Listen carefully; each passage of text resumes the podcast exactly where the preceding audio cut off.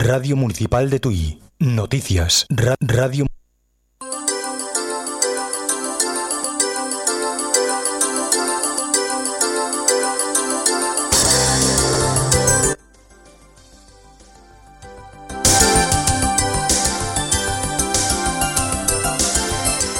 Bo día, benvido a xornada de xoves. Comezamos o mes de febreiro e facémolo con ceos completamente despexados. Nun entre nos achegamos ata Meteo Galicia. Falaremos logo da eh, do pleno que esta tarde a partir das 7 celebra a Corporación Municipal de Tui. Pendentes na fronteira, en principio aquí na nosa se circula eh, sen ningún problema, eh, pero non así en todas as eh, fronteiras de Portugal con España, xa que noutros puntos hai movilizacións dos agricultores portugueses. A crónica da cultura, as citas, a educación e tamén o deporte estarán presentes neste tempo de información que Restora comezamos. Creo que podemos facelo achegándonos ata Meteo Galicia. Ana Laje, moi bo día. Hola, que tal? Moi bo día. Ana, contanos, seguiremos con estes ceos despexados. Sí, continuaremos con ceos despexados ou con algunha nube de tipo alto que non impedirá o paso do sol. En canto a temperaturas, pois nestes momentos, estación meteorolóxica de Areas está marcando hasta 6,9 graus, A estación meteorolóxica de Aceiras no Rosal está marcando 15,5. Aí están eses valores, aínda poderían subir un pouquiño máis no día de hoxe. E polo demais, pois hoxe temos un día de circulación do nordés, que nos dá lugar a ventos eh, do nord-nordés frouxos con intervalos de moderado. Grazas, Ana. Boa xornada. Moi ben, grazas. Bo día. E nos buscamos xa o relato informativo deste día.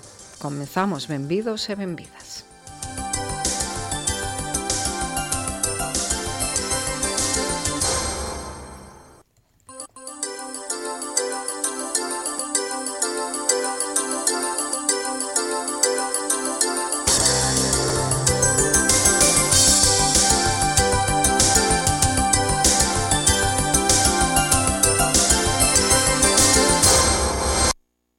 Noticias na Radio Municipal de Tui. No, no.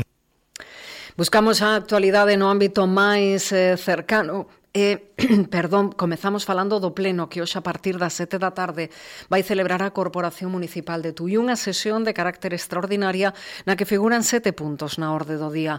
Comezará coa aprobación das actas das sesións anteriores. No punto segundo vai a resolución do contrato de concesión de obra pública do aparcamento soterrado. No terceiro figura a modificación do servizo de axuda do contrato do servizo de axuda no fogar para o incremento de horas e no cuarto a proposta de acordo de prórroga dese contrato. No punto quinto vai unha revocación dunha resolución de 2021 pola que se aprobou a liquidación provisional do custo das obras de urbanización mediante execución subsidiaria anulándoa e deixándoa sen efecto. Xa no punto sexto figura unha bonificación do ICIO por obras na praza do Concello e no punto sétimo unha moción do BNG sobre o enlace da autovía Polígono Darías. Unha sesión que rematará coa quenda de rogos e preguntas actas e eh, que poderán seguir en directo outra vez da nosa sintonía. Sesión plenaria hoxe 7 da tarde aquí eh, en Tui da Corporación Municipal. Radio Municipal de Tui, a información máis cercana. E falamos agora precisamente desa situación nas eh, fronteiras, pendentes desa situación aquí na nosa, onde, eh, porque en todo Portugal estaba convocada unha protesta por agricultores portugueses que anunciaban cortes na fronteira. Polo que sabemos, aquí se circula sen problema, pero non así noutros puntos da fronteira entre España e Portugal. As accións están convocadas polo Movimento Civil pola Agricultura e pola Confederación Nacional de Agricultores. O Movimento de Agricultores pide ao goberno medidas inmediatas, como un suplemento para os agricultores novos, apoios á produción, reducción do imposto no gasóleo e a promoción do pastoreo. Tamén, o igual que están a facer os agricultores franceses, apelan á Unión Europea a un plano estratégico da política agraria común que sexa renegociado. Así o recolle hoxe a eh, prensa de Portugal en esa información sobre esta situación que hoxe se dá. Eh, como dicíamos nas fronteiras, na nosa a información é que temos nestes momentos é que non hai problemas para circular.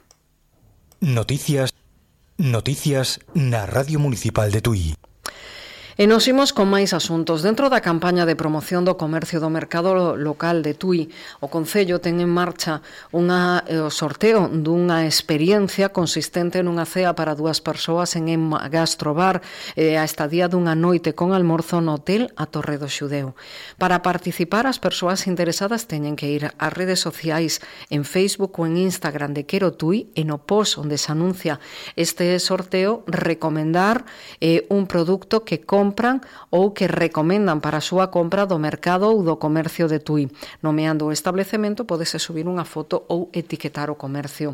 Ademais, debese eh, etiquetar a dúas persoas e usar o cancelo Quero Tui. Para realizar esas recomendacións, hai de prazo até o 14 de febreiro ás 11 da noite. Logo, día 16, aquí na Radio Municipal de Tui, ás 12 do mediodía, Farase o sorteo entre todos os comentarios que cumplan coas condicións do sorteo. O objetivo é dinamizar e dar visibilidade ao consumo no comercio local e, como dicíamos, forma parte da campaña de promoción do mercado e do comercio tudense que o Concello de Tui está a realizar o abeiro da subvención octida da Secretaría Xeral, eh, perdón, da Secretaría de Estado de Comercio do Goberno de España e que se financia a través do Plan de Recuperación, Transformación e Resiliencia con fondos europeos Next Generation. Radio Municipal de Tui. Noticias. Ímonos con máis asuntos da actualidade informativa. Lembramos que hoxe remata o prazo para solicitar praza nos autobuses que sairán este domingo para acudir a Santiago a manifestación en defensa da sanidade pública. A plataforma en defensa da sanidade pública de Tui lembra que ese teléfono para reservar praza aquí en Tui é o 607 785 601. Dende a Guarda tamén a plataforma en defensa pública da Guarda informa do teléfono no que se pode reservar praza Praza, no caso da Guarda ata mañá ás dúas da tarde, e sería no 986 61 04 65 ese teléfono para reservar esa praza. Noticias na Radio Municipal de Tui.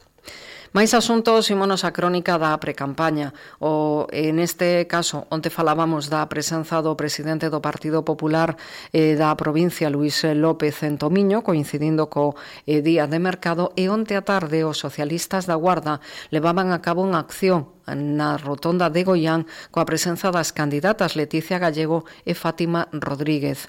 Na mesma aplaudiron os compromisos de José Ramón Gómez Besteiro co vial de alta capacidade a Guarda Tomiño, que a Xunta ven dilatando din dende hai 15 anos e tamén reclamaban a posta en marcha eh, dun centro de día comarcal.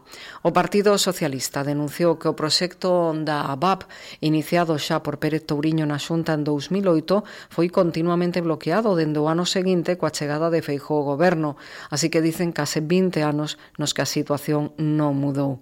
Dende o Partido Socialista Guardés agradecen o compromiso claro de Besteiro cun vial clave para todo o Baixo Miño e tamén subliñaron que Besteiro se comprometeu tamén co Colexo de Traballo Social de Galicia a desbloquear a atención primaria.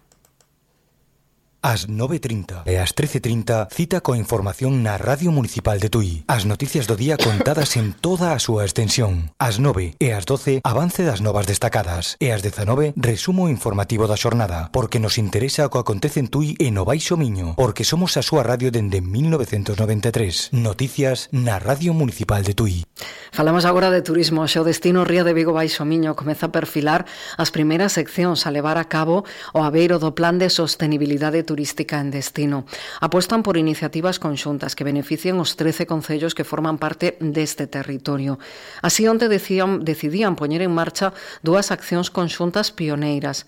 Crearán e homologarán rutas de sendeirismo en contornos en contornas enogastronómicas baixo título de Entre campos e viñedos e ademais buscan avanzar tamén na posta en marcha dun produto de turismo industrial vinculado á gastronomía e centrado en catro temáticas: pedra, terra, auga e persoas. Na reunión de onte decidiron non facer o reparto de fondos deste plan de sostenibilidade turística en destino por concellos, senón buscar como empregar o financiamento conxuntamente para establecer novos produtos que poñan hoxe o destino no mapa, un destino sostible de calidade e que ofrece produtos diferenciais. No marco deste plan de recuperación, transformación e resiliencia, o seu destino obtivo financiamento de millón e medio de euros precisamente para o desenvolvemento deste plan de sostenibilidade turística en destino denominado a Despensa de Galicia.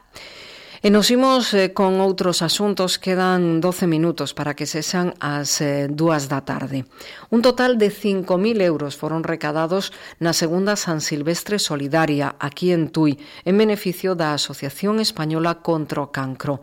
A proba celebrouse o 31 de decembro, contou con 1.200 participantes. O Concello de Tui, que formou parte da organización Xunto Club Atletismo Tui, Agradece a participación de todas as persoas, esas 1.200 no evento, a aportación económica realizada, xa que con esta cantidade a asociación pode seguir ofrecendo servizos gratuitos a pacientes oncolóxicos e os seus familiares en Tui. O ano pasado realizaron máis de 260 intervencións no municipio. Dendo Concello tamén agradecen ao atletismo Tui a excelente organización e a implicación dos seus deportistas, que xunto co persoal do Departamento de Obras, Policía Local, Protección protección civil fixeron posible que a proba se desenvolverá do xeito máis seguro. Agradecen a colaboración das empresas privadas, dado que sen a súa colaboración económica non se podería realizar calquera dos eventos que se levan a cabo no Concello. Por último, indican que tanto o Concello de Tui como o Club Atletismo Tui están traballando xa na terceira edición da San Silvestre Solidaria, prevista para o martes 31 de decembro deste ano en a que, acadan, na que agardan seguir superando pois esas cifras récord que se teñen marcado xa nas en dúas primeiras edicións desta eh, San Silvestre eh, Solidaria. Radio Municipal de Tui, a información máis cercana. Ímonos con outros asuntos da actualidade informativa. Ímonos a crónica de sucesos. O Club Arco Trasno de Tomiño denuncia que o pasado martes entraron a roubar nas súas instalacións no campo de tiro en Amorín por segunda vez. Eh, explican que romperon a porta e roubaron en ferramentas de mantemento do campo, así como material de tiro con arco. Anteriormente indican que foran sustraídos 400 metros de tecido de sombreado instalado no recinto eh, perimetral do campo. E nos imos con outras iniciativas, unha 50 minutos. Lembramos ese chamamento que fan dende o CRA Mestra Clara Torres para colaborar coa iniciativa que teñen en marcha co gallo do Día Internacional da Muller que se celebrará 8 de marzo. Buscan ofrecerlle ao seu alumnado, nenos e nenas de 3 a 5 anos, unha visión real do traballo desbotando estereotipos. Por iso convidan as mulleres que realizan un traballo tradicionalmente considerado masculino e os homes que realizan o traballo tradicionalmente considerado electorado feminino que lles envíen un vídeo de un minuto máximo o teléfono de WhatsApp 722 66 13 45, presentándose co seu nome, a profesión, explicando que fan ou amosando as ferramentas ou o uniforme que empregan nese traballo. Eses vídeos podense enviar até o próximo 1 de marzo. Noticias na Radio Municipal de Tui. Buscamos máis asuntos da actualidade, abrimos agora a páxina de citas, neste caso para lembrar que eh, Evaristo Calvo, Santi Romai, Diogo Sales e María Roja será un evento, o elenco que mañá ás nove da noite poña en escena a comedia Entrega en Man no Teatro Municipal de Tui. Baixo a dirección de Cándido Pazó levan a escena esta obra escrita por Martín McDonagh. A acción transcorre na habitación dun hotel nunha pequena cidade americana, onde un estrafalario home ofrece unha recompensa por recuperar a man que lle cortaron sendo adolescente. Unha parella tenta enganalo ofrecéndolle unha man ata que intervén o recepcionista do hotel. Esta montaxe conta con a escenografía e o atrezo de Pablo Giraldez o Pastor, e Martina Cambeiro é responsable do vestiario, Alfonso Castro da Iluminación e Guillermo Fernández da Música. As entradas están á venda en tui.gal até mañá, 10 minutos antes do inicio da función, que será as 9, os prezos de 10 e de 7 euros e medio.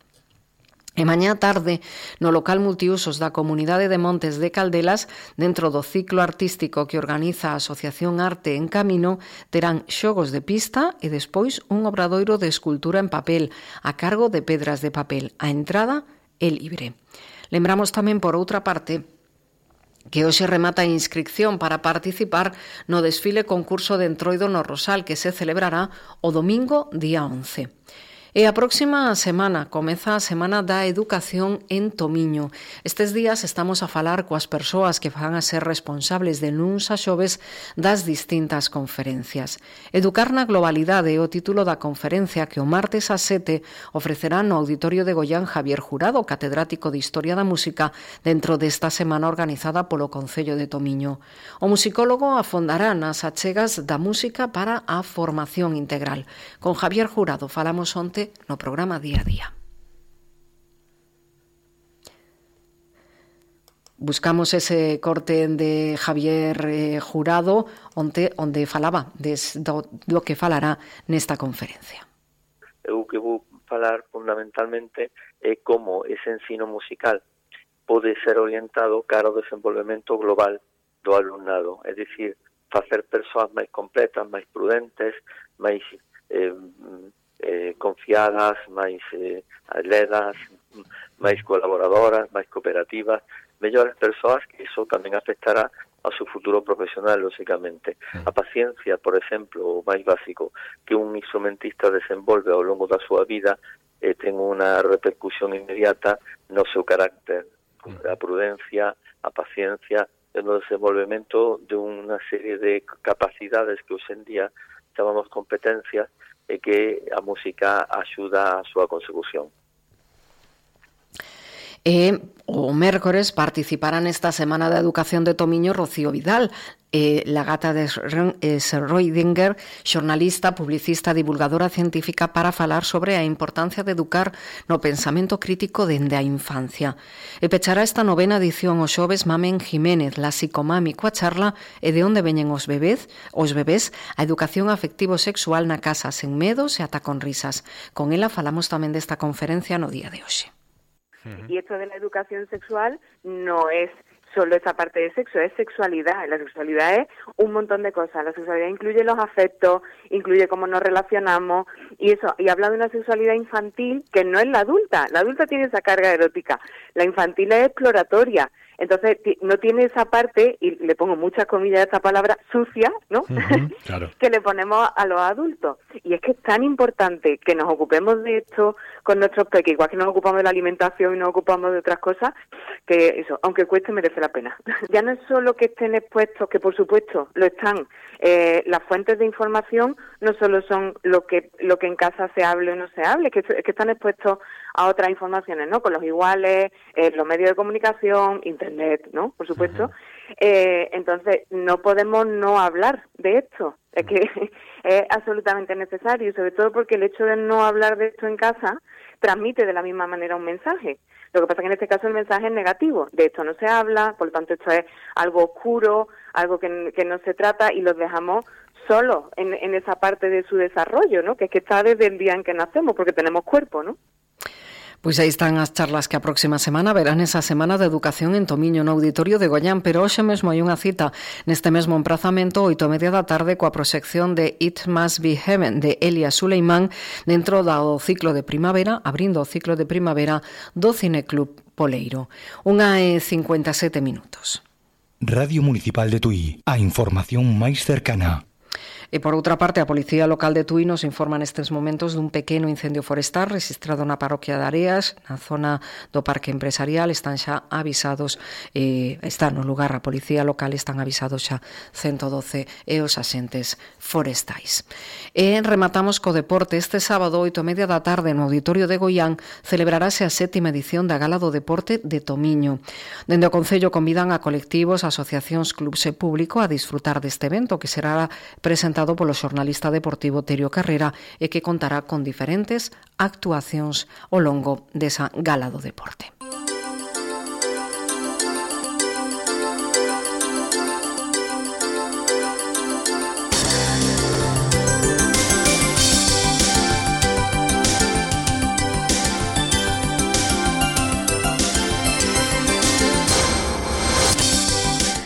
Un par de minutos para que cesen as dúas da tarde Aquí o deixamos, disfruten da xornada de mañá, Que será xa Benres